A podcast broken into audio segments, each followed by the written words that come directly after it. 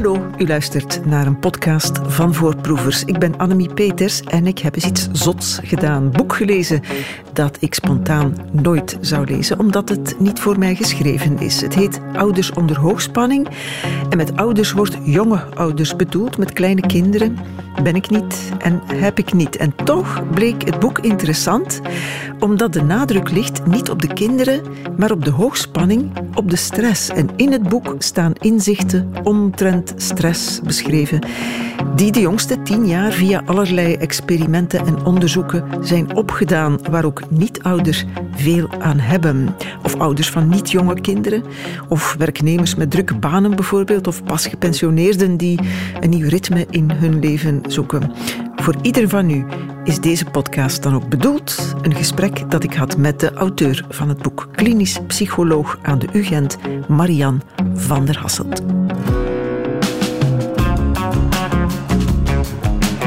Voorproevers. Vorige zaterdag had ik een archeoloog te gast. Die had het over kennis en inzichten die we nu pas krijgen. Onder andere omdat er veel nieuwe onderzoekstechnieken zijn. En dat geldt ook voor de psychologie. En zelfs zeker voor psychologie. Op dat front valt er nog bijzonder veel nieuws uh, te ontdekken. Er zijn de laatste 10, 15 jaar zoveel nieuwe dingen vastgesteld dat we dringend moeten bijstellen wat we vandaag gaan doen. En samen met Marianne van der Hasselt, mijn gast is klinisch psycholoog aan de Universiteit van Gent. Ze heeft een boek geschreven, Ouders onder hoogspanning. En die ouders mag je ook weggommen. De nadruk ligt op hoogspanning, op stress, die we allemaal wel eens kennen, al poppen die ouders regelmatig op. En al zullen ze dat deze uitzending ook wel een beetje doen. Hè. Een beetje stress is niet erg, schrijf jij, mevrouw van der Hasselt. Hè. Het is zelfs gezond.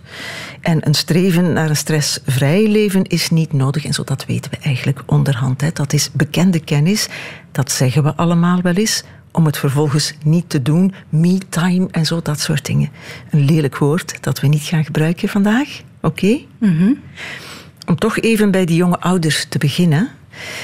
Je hebt wel meer terminologie tegenwoordig uh, die je vroeger niet had. Die me-time, dat is iets van nu, maar parentale burn-out is ook zo'n woord van tegenwoordig. Ik heb eens gegoogeld, het stikt ervan, gewoon op het internet. Ja, we zien dat meer mensen, meer ouders, die parentale burn-out um, krijgen, dat zij volledig uitgeput geraken. Eigenlijk hebben zij heel lang op een verhoogde niveau van stress uh, geweest, zonder dat ze het echt door hadden, waardoor dat zij zichzelf uitgeput hebben. En zij kunnen dan, ook ja, eigenlijk een beetje emotioneel en fysiek ook afstand nemen van hun, van hun kinderen, waardoor dat, uh, zonder dat ze het weten, dat ze er geen plezier niet meer aan ervaren. Het is ook moeilijk natuurlijk om afstand te nemen, vakantie nemen van je gezin. Dat is niet simpel. Een online adviesapotheek zet op het internet de parentale burn-out is een typisch fenomeen van de 21ste eeuw. Op de blog MomLife vind ik, er is tegenwoordig veel te doen over de parentale burn-out. Op de site van de CM een bomvol takenpakket als ouder. Hoge verwachtingen en de constante vergelijking met andere ouders kunnen leiden tot stress. Dat klinkt bijna alsof het zo hoort. Een bomvol takenpakket, wat een woord. Hoge verwachtingen. Wie verwacht wat van wie? Ja, ik denk dat tegenwoordig, als wij heel veel dingen willen gaan combineren, dat, het, dat er veel op ons afkomt en dat het zo ervoor zorgt en dat we het gevoel hebben dat we steeds meer en meer moeten dingen doen.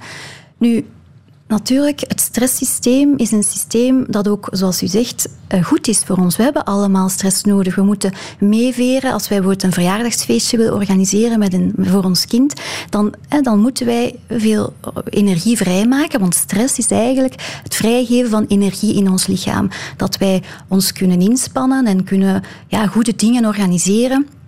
En dus het gevoel hebben dat wij er alles voor geven om een leuk verjaardagsfeestje te geven. En nadien, en dat is het, het probleem wat eigenlijk veel mensen vergeten, want de stressreactie wil zich vaak in stand houden. Nadien moeten mensen proberen terug tot rust te komen. terug die lichamelijke energie die is vrijgemaakt, terug vrij te laten, terug los te laten door allemaal oefeningen. Maar wat gebeurt er? We ploffen in de zetel, we drinken misschien een glaasje wijn en we kijken op sociale media en we scrollen eigenlijk. Hoe andere mensen hun feestjes georganiseerd hebben en dat die nog beter zijn. Bijvoorbeeld. En dus op is die een manier. stressfactor. Hè? Als je gaat kijken naar hoe anderen het gedaan als het perfect moet zijn, bijvoorbeeld. Dat lees ik toch ook in jouw boek. Ik haal nog een voorbeeld uit jouw boek. Het staat vol met voorbeelden uit een ingebeeld huishouden. Het zal het jouwe niet zijn, neem ik aan. Hè? Het kind heet Victor. Het heeft zijn eerste rapport gekregen. Tegen alle verwachtingen in vallen de resultaten tegen. Zijn mama Sarah is eerst teleurgesteld. Ze had iets anders verwacht natuurlijk. Maar ze blijft niet bij de pakken zitten. Ze besluit om online op zoek te gaan naar manieren om je kind te begeleiden bij zijn huiswerk. Vastberaden om hem te helpen om een goede studiemethode te vinden, zodat zijn volgende rapport beter is. Ze heeft het gevoel dat ze controle houdt. En dat is een voorbeeld van positieve stress. Hè? Zo schrijf je dat. Ehm, een voorbeeld van hoe het moet dan. Een kind van zes meteen de huiswerkbegeleiding induwen als het een slecht rapport heeft. Meen je dat? Nu, ik denk dat het gaat over de stressreactie. Geeft u inderdaad de mogelijkheid om te gaan aanpassen, om dingen te doen om flexibel te gaan reageren. Um, maar het is op het moment dat jij het gevoel hebt dat je meester bent, dat je het gevoel hebt dat wat jij doet, dat dat min of meer een invloed gaat hebben, dan ga je rustig en rustige positieve stress kunnen ervaren. Op het moment dat je het gevoel hebt dat er geen, of dat je minder die controle hebt of meester bent over de situatie, dan kan het je juist meer angst gaan geven en soms misschien gaan verlammen. Dus het is een, een manier om mee te veren met de, met de verwachtingen, met bijvoorbeeld negatieve schoolresultaten, en dan te denken van wat kan ik daaraan doen? Ja, maar ik zou bang zijn als ik de verwachtingen zo hoog zou stellen dat na een eerste rapport ik al huiswerkbegeleiding zou, zou gaan moeten zoeken. Nee, maar ik denk stress van krijgen. Ja, ik denk dat het voorbeeld was vooral over uh, van hoe kan jij stress gebruiken, of dat stress eigenlijk ook positieve stress kan zijn om, om bepaald gedrag te gaan aan, aan, aanvang, aan, allee, veranderen. Ja, er zitten veel nieuwe inzichten in jouw boek hè, omtrent stress van onderzoek van de laatste tien jaar.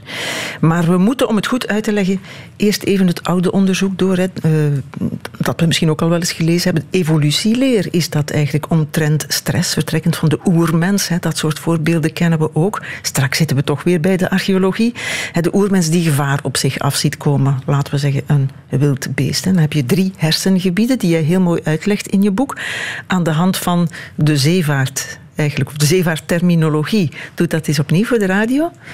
Ja, inderdaad. Ik, uh, dus er zijn een aantal hersengebieden die mooi samenwerken en die ook moeten samenwerken om ons te kunnen laten reageren op onze omgeving. Dat is onder andere de amygdala. Ik noem het de, de matroos in het kraaiennest. Ja, ik vind dat een betere term dan de amygdala, want dat is zo'n raar woord, mm -hmm. dat ik telkens verkeerd schrijf trouwens. Maar de matroos, die staat op de uitkijk, ja. die ziet de beer afkomen. Ja, dus die is eigenlijk continu aan het kijken met zijn verrekijker over de horizon. En zijn taak is om gevaar heel snel te gaan Zijn taak is om te snel soms te reageren dan niet snel genoeg. Hè, want we moeten op de uitkijk staan voor gevaar. Ja, maar jij schrijft ook, die maakt geen onderscheid tussen de beer hè, die, we, die, we, die we zien aankomen of een kind met een driftbui bijvoorbeeld, die reageert op dezelfde manier. Het enige gevaar is reëel, maar dat kind met die driftbui, dat kun je negeren ook. Hè? Ja, op dat ogenblik gaat ons emotiecentrum, dus dat kraaiennest, heel luid gaan roepen, heel luid gaan roepen in ons brein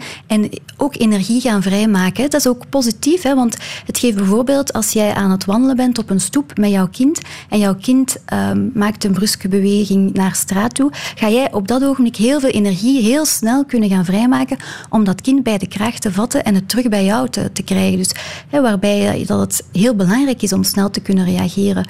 Maar de mag geen vrij... Dus, de, dus de, de matroos mag geen vrij spel krijgen om alleen maar te blijven roepen dat er gevaar is. Want dan zouden we continu op onze hoede zijn. Maar die moet ook communiceren met de stuurman, de, de meer ja, evolutionair jongere uh, regio in onze hersenen, die achter het roer staat, maar eigenlijk ook een beetje een jonge stuurman is, een eerste stuurman. En die uh, moet uh, ja, beoordelen of het gevaar dat geroepen wordt door dat kraaiennest wel, wel, wel Ja, en omdat hij jong is en nog niet zo heel ervaren, beoordeelt hij soms fout, ja. neem ik aan. Want ik lees ook in jouw boek, er zijn ook valse bedreigingen, hè, zoals de, de beer is een echte, maar een driftbui is eigenlijk een valse bedreiging. Zo interpreteer ik dat toch. Ik zou zo'n kind laten roepen. Um, maar um, valse bedreigingen, dingen die geen echte bedreigingen zijn, virtuele bedreigingen bijvoorbeeld, worden ook geïnterpreteerd als echte bedreigingen. Dat is natuurlijk zeer tricky. Ja, en dat is het probleem. Is dat er, er zijn veel meer bedreigingen die in ons hoofd voorkomen. Bijvoorbeeld bepaalde verwachtingen die we aan onszelf leggen. Bepaalde zaken die we denken die misschien kunnen slecht verlopen. Bepaalde zaken die we anders hadden willen gehad. Die ervoor zorgen dat dat emotiecentrum, dat dat kraaiennest, heel actief is, heel hard aan het roepen is, maar zonder dat er effectief iets aan de hand is. En waardoor dat we onszelf zelf een beetje gaan uitputten, omdat we continu alert zijn. Jij schrijft zelfs, bij wijze van voorbeeld, over gewelddadige films videospelletjes die ook maken dat die matroos begint te roepen. Ja, er zijn, uh, het lijkt een clichévoorbeeld, hè? Zo van videospelletjes, gewelddadige spelletjes zijn slecht, maar het blijkt ook wel zo te zijn. Ja, het blijkt niet zo onschuldig te zijn als, uh, uh, er zijn inderdaad studies gedaan waarbij dat mensen lange tijd of een, week lang videospelletjes spelen en dat dan daarna gekeken wordt naar de activiteit in hun uh, emotiecentrum, in dat kraaiennest, en dat dat toch wel uh, zeer beïnvloed is. Of bijvoorbeeld dat er um, vrouwen worden gewelddadige video's getoond en ze, daarna kregen zij blije, angstige of verschillende gezichten te zien en werd gezien dat de mensen, dus de vrouwen die, die um, gewelddadige video's of die gezien hadden, dat dan daarna dat emotiecentrum geen verschil maakte tussen de verschillende blije of verdrietige gezichten. Dus wil zeggen dat als eens dat dat emotiecentrum geactiveerd is, dat wij overal dreiging in zien. bijvoorbeeld als jij in de supermarkt staat en er komt iemand rijdt tegen jouw kar of er maakt, iemand geeft jou een, eh, een negatieve opmerking, dat je in het midden van de, van de rij staat, Um, dan gaat jouw emotiecentrum geactiveerd worden. Maar het gevolg is, als je dan daarna naar je kind gaat en je kind staat bijvoorbeeld onschuldig iets vast te nemen in de rekken, dat je dan misschien heel prikkelbaar kan reageren, want jouw emotiecentrum is nog altijd geactiveerd. Ja, dat is interessant om vast te stellen. Lastiger om in te grijpen, denk ik. Maar goed, ingrijpen gaan we straks doen. Hè? Dat herstellen, daar iets aan doen. Er is nog een derde hersendeel wat we ook moeten vermelden. Dat is de hippocampus. Jij noemt dat het scheepslogboek. Het zegt wat het is te zijn. Het is de herinnering aan dat soort ervaringen die de huidige ervaringen nog eens versterken, omdat je ze ooit hebt meegemaakt. Ja, dus is heel belangrijk inderdaad. Eens dat het emotiecentrum, dus het kraaiennest, geroepen heeft, dan gaat de stuurman even evalueren. Die moet evalueren. Bijvoorbeeld, je kinderen, je hebt lekker gekookt voor je kinderen, maar ze denkt van oké, dit gaan ze toch wel uh, lusten. Um, op dat ogenblik komt het aan tafel en de kindjes zeggen van oh nee, dit vind ik eigenlijk helemaal niet lekker. Op dat ogenblik gaat die eerste stuurman moeten te raden gaan bij een logboek. Van denk oké, hoe heb ik dat vroeger aangepakt? Hoe is dat toen verlopen? Wat zijn bepaalde manieren dat je kan doen om daar rustig op te gaan reageren? En als drie, uh, drie gebieden goed met elkaar samenwerken, dan ga jij creatieve oplossingen kunnen gaan mhm. vinden om te denken, oké, hoe ga ik hier rustig blijven en ervoor zorgen dat zij toch wel hun groente opeten. Wat zegt jouw logboek? Wat moet jij dan? Wat, wat zou jij dan doen? Ja, wat ik doe is, is meestal zeggen dat, uh, dat het lekker is. En dat is de vorige keer ook wel... Spruiten zijn niet lekker, zeggen ze dan. Ja, mijn kindjes vinden spruiten wel lekker. Slecht voorbeeld. Zometeen meer. We praten over hoogspanning, over stress, over het boek Ouders onder hoogspanning met de auteur Marian van der Hassel. Het boek gaat over veel meer dan uh, ouders. Hè. Het gaat over de hoogspanning veel eerder. En het is het resultaat van tien jaar onderzoek en experimenten. Onder andere aan de Universiteit van Gent, mevrouw van der Hasselt. Uh, het is ook een functie, opdracht van wetenschappers, van universiteiten, om dat wat zij allemaal in hun labs zitten te onderzoeken naar buiten te brengen, toch? Ja, zeker. Dat was een van mijn, uh, mijn opdrachten ook van uit uw labo te komen, hè, uw inzichten te delen met andere mensen, zodat andere mensen er ook van kunnen genieten. Bij deze dus. Hè? Ja. ja. Je hebt ook uh, andere onderzoeken in het boek opgenomen van andere wetenschappers aan andere universiteiten interessante dingen over stress en wat dat met je lijf doet. Ik las bijvoorbeeld over twee psychologen. Die hebben al in 67, 1967 experimenten met honden gedaan. Uh, die ze elektrische schokken gaven, arme dieren, maar het was voor de wetenschap om wat te weten te komen om te kijken hoe dat wij reageren als, bepaalde, als wij bijvoorbeeld bepaalde stressfactoren krijgen die oncontroleerbaar zijn. Dus wat was met die honden? Zij kregen elektrische schokken, maar ook al probeerden zij die, die, die schokken te gaan um, negeren of, of daar weg van te vluchten, die schokken die, die, werden en, die bleven eigenlijk bij hen gegeven worden. Dus het probleem was is dat ook al dat zij hun gedrag deden, er was geen geen effect daarvan. Dus zij leerden dat zij geen effect hadden op hun omgeving. En het gevolg was dat zij ja, passief werden, dat zij niet meer gingen reageren. Op Ondergaan heet dat. Zij ondergingen eigenlijk. En is dat goed of slecht? Dat is helemaal niet goed, want dat, dat, leert jou niet om te reageren op de omgeving. Dat leert jou niet om op een stresserende situatie te gaan reageren, om daar proberen terug de baas, de meester over te worden. Dus ik onthoud alvast, ondergaan is geen goed idee. Nee, het is best van mee te veren met, uh, met Ja, maar aan zo'n schok kun je niks doen natuurlijk. Hè. Ik heb toch ook altijd geleerd, de dingen waar je geen controle over hebt, daar moet je je niet mee bezighouden, want daar kun je niks aan doen. Nee, maar als je dan altijd die negatieve ervaringen krijgt natuurlijk, en je, je leert niet wat je eraan kan doen om die, die weg te krijgen, ja, dan kan je wel uh, helemaal uitgeput geraken. Ja, we zijn hier vandaag om dat straks wel te zeggen, hè, hoe je dat dan wel kan doen. Bijzonder um, interessant wetenschappelijk onderzoek is dat. Hè. Uh, ook als het gaat over uh, dingen die in de lucht hangen. Zo zeg ik het goed. Hè. Je, ehm, mensen die spanning ruiken bij wijze van spreken, of voelen. Dat klinkt bijzonder onwetenschappelijk, moet ik zeggen, maar het is wetenschap. Het is wetenschap van de jongste jaren. Het is wetenschap, inderdaad, recente wetenschappelijke inzichten. Dat stress, en zeker bij mensen die elkaar goed kennen, partners of ouder-kind, dat die de stress van elkaar gaan overnemen. Er zijn zo studies gedaan dat uh, partners uh, zagen dat de andere een heel moeilijk iets aan het doen was, waarbij dat de hartslag naar boven ging, de ademhaling veranderde. En de, de andere, de, de andere van het koppel stond buiten en die nam dat van, bij wijze van spreken, automatisch over.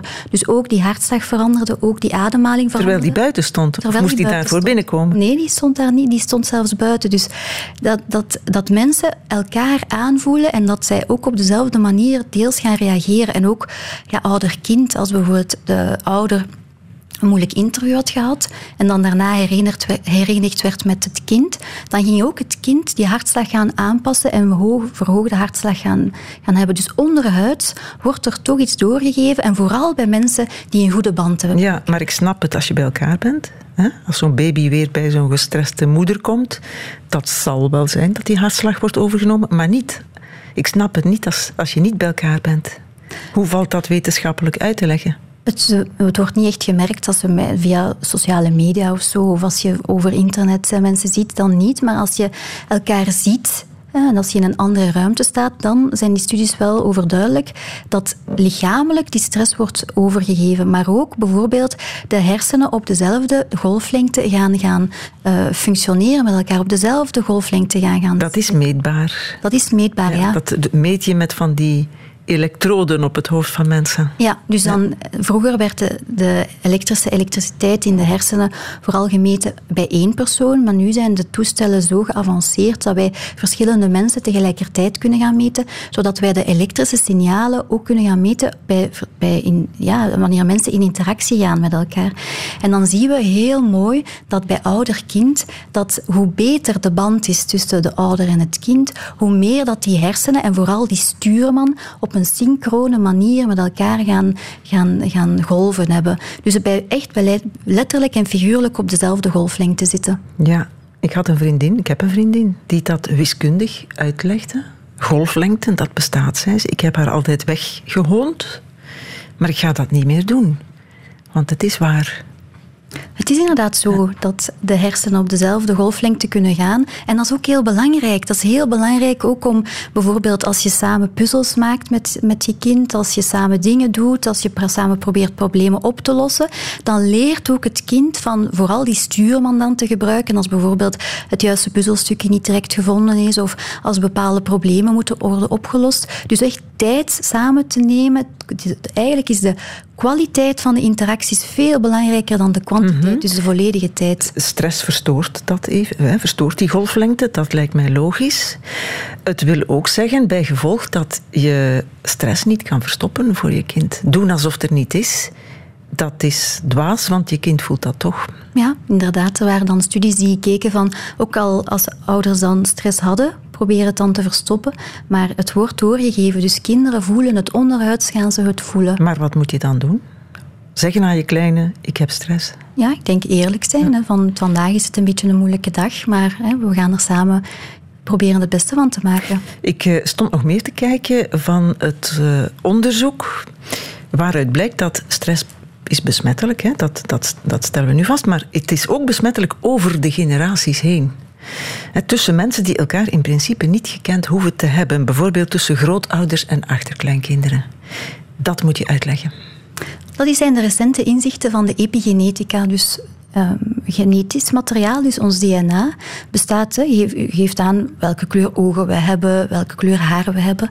En vroeger werd gedacht dat enkel dat materiaal werd doorgegeven wanneer aan onze nakomelingen.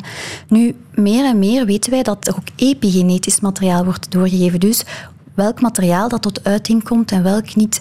En die epigenetische veranderingen komen door onze levensstijl. En bijvoorbeeld als we veel stress hebben ervaren, dan gaan er bepaalde genen aan of uitgezet worden, waardoor dat we veel gevoeliger zijn voor bepaalde zaken, al dan niet. En dus ook naar onze nakomelingen kunnen bijvoorbeeld een gevolg zijn van de stresserende ehm, ja, of de levensstijl van onze voorouderen. Ja, bij moeders en bij vaders. Hè? Want ook vaders spelen daar een belangrijke rol in. Hè? Dat wil ik toch ook wel benadrukken. Ja, er zijn inderdaad zo studies dat um, aan, de, aan mensen, de studenten werd gevraagd van zes maanden lang uh, iedere maand een sperma te doneren voor onderzoek. En werd ook gevraagd van een vragenlijst in te vullen.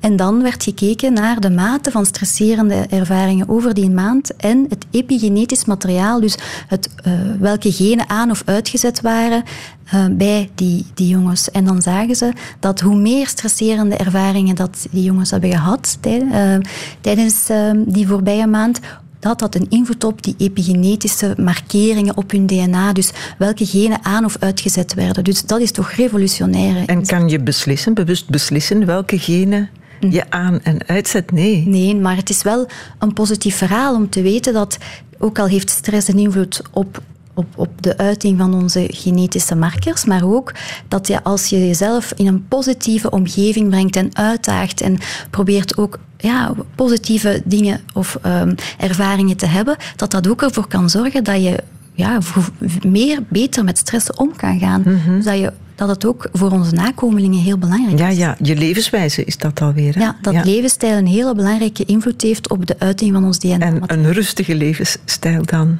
Wel, rustig of toch tot rust komen na een stresserende gebeurtenis. Voor jezelf zorgen. Je noemt, je noemt dat onderzoek met studenten, mannelijke studenten. Is het ook via muizenexperimenten dat je dit soort dingen ontdekt? Ja, de meeste studies zijn bij de muizen. Hè, want we moeten, het zijn nog studies die allemaal in hun kinderschoenen staan bij, bij, bij mensen. Maar bij muizen zijn de meeste studies gedaan waarbij gekeken wordt naar bijvoorbeeld het traumatiseren van een bepaalde muis. En dan zien ze dat ook al heeft die vadermuis dan geen contact gehad met zijn eerste nazaten, maar tot zes generaties verder, dat daar toch nog van alles kan gevonden worden van ander gedrag bij die muizen. Dus de meeste studies zijn bij muizen, dus er moet wel inderdaad met enige voorzichtigheid gesproken worden. Maar ja, de eerste inzichten bij mensen zijn toch wel heel, heel, heel interessant. Ja, en een muis die kan niet die kan haar levensstijl niet veranderen, natuurlijk. Nee, maar dat, ook bij die muizen is van hoe, als bijvoorbeeld zij dan in een uitdagende kooi gezet worden, als zij dan hè, leuke spelletjes kunnen doen, dat dat dan ook een invloed heeft op de uiting van hun, uh, van hun DNA-materiaal en dat dan de volgende generaties daar ook wel baat bij hebben. Dus, en ook bijvoorbeeld, die, die onderzoeken geven duidelijk aan dat aanrakingen, dat het likken bijvoorbeeld en de knuffelen, allez, knuffelen bij wijze van spreken. Ik zie een muis al knuffelen. Ja, maar die studies zijn dan bij mensen natuurlijk. Mm -hmm. Maar um, dat dat ook een hele positieve invloed heeft op het uh, tot uiting komen van bepaald uh, DNA-materiaal. Ja, want je zegt alsnog is dat bij muizen onderzocht, maar je noemde ook die mannelijke studenten daarnet. Dus bij mensen is het ook al wel getest, toch ook? Hè? Ja. Ja, met enige voorzichtigheid kunnen we dat wel zeggen. Ja. De uitspraak voor het leven getekend, da daar zit iets in hè, van waarheid. Als ik dit hoor. Ja, maar ja, ook. Ook in positieve zin. Ook in positieve zin, ja. Voorproevers. Nu gaan we ingrijpen. Mevrouw Van der Hasselt, er iets aan doen, hè, aan die besmettelijke stress. Uh, dat is het goede nieuws. Hè. Je kan ingrijpen, ook al gaat het over uh, overgeërfde stressgevoeligheid, zeg ik het zo goed? Mm -hmm. Ja. Um, er staat wat dat betreft een interessante denkoefening in jouw boek. Ouders onder hoogspanning heet dat boek. Hè. Bedenk eens, ik lees voor, hè. Bedenk eens welke persoonlijkheidstrekken typerend waren voor je voorouders, je ouders en grootouders en eventueel overgrootouders, positieve en negatieve. Bedenk vervolgens welke je daarvan bij jezelf herkent. Op welke manier beïnvloeden die jouw leven? Is er een minder aangename persoonlijkheidstrek die je liever niet doorgeeft aan je kinderen? Interessante vragen. Maar dan? Want we kunnen dat allemaal wel bedenken. Mijn vader had dat trekje. Ik heb dat ook, stel ik vast. Ik hoop dat ik dat niet aan mijn kinderen ga doorgeven. Je hebt dat niet te hopen, je kunt ingrijpen.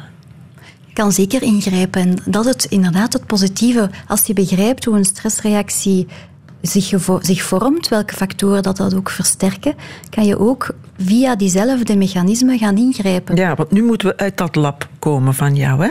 Je hebt dat vastgesteld. Hoe grijp je het dan in? Dus er zijn de, de stressreactie is een reactie in ons lichaam. Hè. Het, het, wordt eigenlijk op de gaspedaal geduwd om meer energie vrij te maken. Maar er is ook een rempedaal. En die rempedaal moeten wij proberen van, van tijd tot tijd in te, in, ook in te duwen.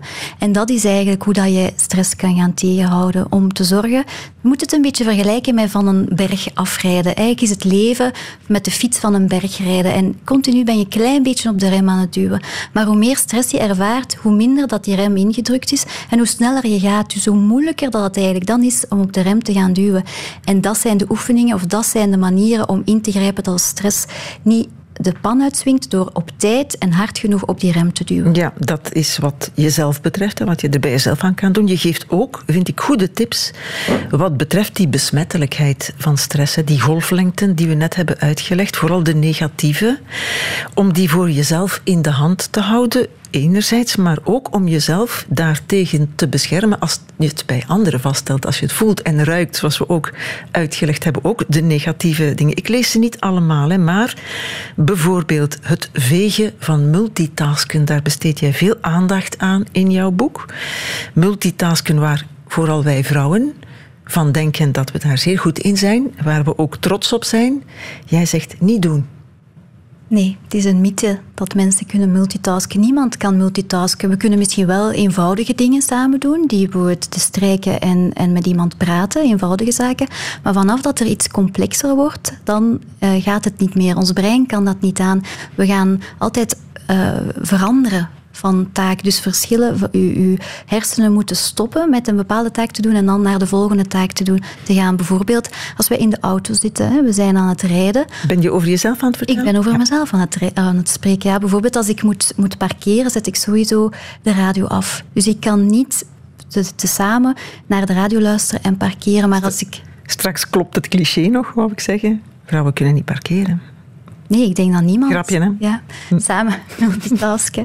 Maar bijvoorbeeld als we thuis zijn, hebben we wel die neiging om te gaan multitasken. Want er zijn zoveel dingen die we wel willen doen. We willen het allemaal gedaan krijgen. We willen huiswerk begeleiden. Ondertussen willen we koken. En ondertussen willen we nog een paar sms'en beantwoorden die we krijgen op onze gsm. Dus we zijn van alle dingen tegelijkertijd aan het doen, omdat we het allemaal goed willen doen. Maar eigenlijk zijn we onszelf een beetje voor de gek aan het houden. Want ons, het gaat allemaal trager gaan, geeft onderzoek aan. En we maken veel meer fouten. We gaan misschien minder aandacht hebben voor onze kinderen voor de foutjes die ze maken. We zijn eigenlijk, mag ik het vertalen als we zijn onze hersenen aan het trainen, telkens we multitasken, om de focus te verliezen in plaats van te focussen. Terwijl je bij focus zoveel meer gebaat bent natuurlijk. Ja, het wordt een verslaving om te gaan multitasken inderdaad, omdat iedere keer dat je aan een nieuwe taak begint, krijg, krijgen jouw hersenen een soort beloningseffect, waardoor dat je traint om niet meer te gaan focussen. En dat is het grote probleem, want we zijn onze stuurman dan aan het uitputten. Die stuurman is eigenlijk, zijn hoofd zit vol, bij wijze van spreken, en die kan niet meer helder nadenken. bijvoorbeeld, je staat op het punt van te vertrekken voor naar school. Eigenlijk ben je al een beetje te laat, maar je begint toch de vaatwas leeg te halen. Dat is maar zo moet het toch in de hedendaagse huishoudens? Zo moet het, maar eigenlijk ben je dan niet helemaal gefocust op wat de kinderen dan moeten doen om toch op tijd op school te zijn. En misschien is die vaatwas ook maar ook half uitgeladen. Dus ja, het is, eigenlijk heb je niets afgewerkt. Dus je laat alles in de vaatwasser zitten? Eigenlijk wel. Ja, want die kinderen moeten toch naar school, hè? Ja. wat een... Uh, plots wordt het duidelijk wat een ellende het moet geweest zijn tijdens de lockdown. Hè? Toen mensen moesten werken thuis. En toen ook de kinderen niet naar school konden. dat moet de hel geweest zijn. Dat is het anti-voorbeeld van wat jij nu zegt, hè? Ja, die, die, die lockdown, wanneer dat en mensen moesten werken en begeleiding van de huistaken en dan ook op de kinderen passen, dat, dat, dat is niet te doen. Dat was, dat was de hel, dat hebben heel veel mensen toen ook aangegeven trouwens. Hè. Uh, nog iets wat ik toch absoluut uh, wil besproken hebben, wat je perfect in de hand kunt hebben, waar je in je boek ook veel aandacht aan geeft, zijn sociale media al die perfecte foto's die je ziet zijn niet goed voor je zelfbeeld. Het is zo'n cliché. Het is, dat weten we ook. Eigenlijk weten we dat ook, maar het is waar. En het gaat niet alleen op als het over perfecte lijven en maten gaat. Het, de vergelijking gaat ook op als gaat niet op als het over perfecte ouders gaat. Die staan ook heel veel op die sociale media. Ja, maar we willen het allemaal goed doen als ouder. Hè? Er is ja, niet en, er, en ermee uitpakken ook. Hè? Ja, maar er is ook niet zo'n maatstaaf van wat is goed ouderschap natuurlijk. Dus we zijn ook een beetje op zoek hè, van wat willen wij, hoe kunnen we het goed doen. En kijken naar hoe de andere mensen het doen, kan onszelf ook leren om te kijken wat, wat kunnen wij nog veranderen, hoe kunnen we het beter doen, wat kunnen we anders aanpakken. Ja. En op zich, als, als, als uw stuurman sterk in zijn schoenen staat, dan is sociale media niet zo'n groot probleem. Want dan kan je kijken wat er gebeurt. Maar als je emotiecentrum, als je matroos eigenlijk heel luid aan het roepen is en je stuurman staat niet zo stevig op zijn, zijn poot, op zijn voeten, op dat ogenblik is het sociale media wel een probleem. Omdat je dan gaat gaan vergelijken en gaat dan zo'n interne kritische stem gaan, gaan... Ja, dit, zij hebben het toch beter gedaan. Waarom kan jij dat toch niet zo doen? Waarom kan jij geen gezonde voeding geven? Hoe komt dat jij geen houten speelgoed geeft? Ik ja, maar in dat hoofd van ons zitten toch niet alleen die matroos en die stuurman, maar toch ook verstand. Dat kan denken, dat zijn niet realistische beelden die je ziet op sociale media. Dat zijn valse foto's die ons misleiden. Want de huilbuien zet niemand op sociale media. Nee, maar ook al weten wij dat dat zo is, onderzoek geeft aan dat als mensen een lager zelfbeeld hebben, dus minder die sterke stuurman, dus het verstand, het minder dat, dat denkende, dat helder denkende, dat zij daar heel de grote gevolgen van krijgen. Dus als je dan gaat vergelijken, dan dat het zelfbeeld zelf nog lager gaat komen. Maar ook gewoon te veel op sociale media, te veel prikkels aan je brein geven, dat je brein eigenlijk ook wel uitgeput geraakt van al die prikkels die gekregen worden, waardoor dat de facto de, de stuurman minder helder en minder sterk in zijn schoenen gaat staan. Is de boodschap dan ook stop met al die uh, perfecte kindjes op, laten we zeggen, Instagram te posten? Maar ik denk, iedereen wil ook natuurlijk tonen hoe, hoe, mooi en wel, welke leuke dingen die gebeurd zijn. Maar ik denk, probeer niet te vergelijken met wat, er op, uh, wat andere mensen doen. En, en, probeer daar inderdaad op een heldere manier over na te denken en het te gebruiken als een soort van idee van wat er kan of welke zaken die wel leuk kunnen, kunnen zijn. Ja. In het licht van dat alles, hè, uh, wat ze nu parentale burn-out noemen, dat een beetje modewoord. Hè? Uh, zou je dat ehm, een welvaartsziekte noemen? In mijn tijd bestond zelfs, enfin, ik, ik, zeg niet dat het vroeger beter was, hè, maar in mijn tijd bestond de burn-out zelfs niet. Maar ik denk het woord niet, hè? Dat is natuurlijk moeilijk om, om, om over allee, te zeggen, er zijn verschillende antwoorden, denk ik. Maar ik denk dat er tegenwoordig toch dat de, maatschappij zoveel complexer is geworden. En ook met die digitalisering, dat er veel prikkels op ons afkomen. Dat wij ook veel dingen tegelijkertijd willen gaan doen. Um, waardoor dat er te voorkomt dat onze stuurman aan het uitgeput geraakt wordt. En dat die de matroos meer vrij spel krijgt. Waardoor dat mensen ook het gevoel hebben dat ze het steeds beter moeten gaan doen. En dat zij ook verantwoordelijk zijn voor hun eigen geluk geluk, bij wijze van spreken. Dat, we hebben heel veel keuzes, maar die keuzes, die veelheid aan keuzes, geeft ook wel keuzestress. Want je had ook wel een andere keuze kunnen maken, waardoor dat jij misschien toch een beter resultaat zou gehad hebben. Dus ik denk dat de, door de complexiteit en door de veelheid van informatie en prikkels, dat dat toch wel die, die parentale burn-out in de hand kan helpen. Waarbij je weer naar sociale media wijst natuurlijk. Hè. Welvarende samenlevingen staat in jouw boek vertonen meer problemen met mentaal uh, welzijn. Onderzoek wijst uit dat ouders in westerse landen vatbaarder zijn voor parentale burn-out. Wat heeft het met westerse landen te maken? In ons, in ons labo doen wij bijvoorbeeld studies naar als mensen keuzes kunnen maken. En de meer keuzes dat mensen hebben, de meer spijt dat ze gaan hebben voor een bepaalde keuze die ze gemaakt hebben. Maar sociale media staan, eh, bestaan ook in Oosterse landen, laten we nu maar zeggen. Hè? Ja, maar daar hebben mensen niet echt het gevoel dat ze zelf hun geluk in de hand hebben. Dat het soms hè, ook afhangt van andere uh, ja, toevalszaken. Maar hier hebben wij het gevoel van de zelfontplooiing, die zo belangrijk is, daar hebben wij al, dat kunnen wij zelf bepalen. Dus als wij een keuze willen maken, bijvoorbeeld de, de cadeautjes voor Sinterklaas hè, kopen, bijvoorbeeld, of cadeautjes voor kerstmis, dan denk je van oké, hoe gaan we dat op de juiste manier gaan doen en wat, is de juiste, wat zijn de juiste cadeautjes daarvoor? Maar eigenlijk is gewoon een cadeau ook al goed. Ja, dat heet perfectionisme toch ook. Hè? En misschien heeft het ook te maken met het feit dat in die andere dan de westerse landen um, ouders ook minder eenzaam zijn. Hè? Minder er alleen voor staan. Ja, iedereen kent het, het, uh, het zinnetje It takes a village to raise a child. En in mijn boek schrijf ik van... We doen beroep op de village om ja, misschien als kinderen ziek zijn, als de kinderen ergens naar een hobby moeten gebracht worden, uh, waardoor dat wij dan misschien ook uh, ja, op ons werk kunnen blijven, bijvoorbeeld. Maar we moeten die village dan ook aanspreken om zelf eens tijd te maken voor intense gesprekken, voor rustige gesprekken met vrienden en familie te hebben. Niet alleen als het moet. Als het Niet alleen als het moet, nee. Van die village ook te gebruiken om er dan voor te zorgen dat je zelf eens verbinding kan gaan maken met anderen. Maar dan moet ze er altijd zijn. Hè? Dan, heb je, ja, dan heb je een netwerk nodig dat, dat altijd op de achtergrond staat. Hè? Ja, ja, dan is dat netwerk inderdaad nodig. En maar dat valt niet te onderschatten. De aanwezigheid van iemand, het gevoel of weten dat iemand jou steunt, is de beste buffer tegen chronische stress. Dus het gevoel hebben dat je verbonden bent met andere mensen, het gevoel hebben dat, dat mensen jou begrijpen en vertrouwen, is heel, heel belangrijk. Ja, zie je wel dat het boek ook over grootouders gaat? Die zijn ook belangrijk, natuurlijk. Hè? Uh, ik noteer ook nog, heb ook nog genoteerd ja, genoeg netwerken natuurlijk, hè, wat we net zeiden. Wees mild voor jezelf, niet te perfectionistisch. Hebben we eigenlijk ook uitgelegd. Hè. Leg weg die verdomde smartphone. Het is zo'n cliché, maar um, het geeft geen echte ontspanning. Kom buiten, toch ook, hè. Betere ontspanning dan in de zetel te zitten scrollen, stap, loop, sport en dat soort dingen. Komt er ook een boek Grootouders onder hoogspanning. Waarschijnlijk wel. Zoals je zei al, die modellen kunnen toegepast worden. Al hebben die andere bezonjes natuurlijk ook. Hè. Dankjewel voor je komst naar de studio en voor het uitleggen van wetenschappelijk onderzoek dat anders in het lab was gebleven en dat nu mooi naar buiten is gekomen. Dit was een podcast van Voorproevers. De hele reeks vindt u uiteraard in de app van VRT Max.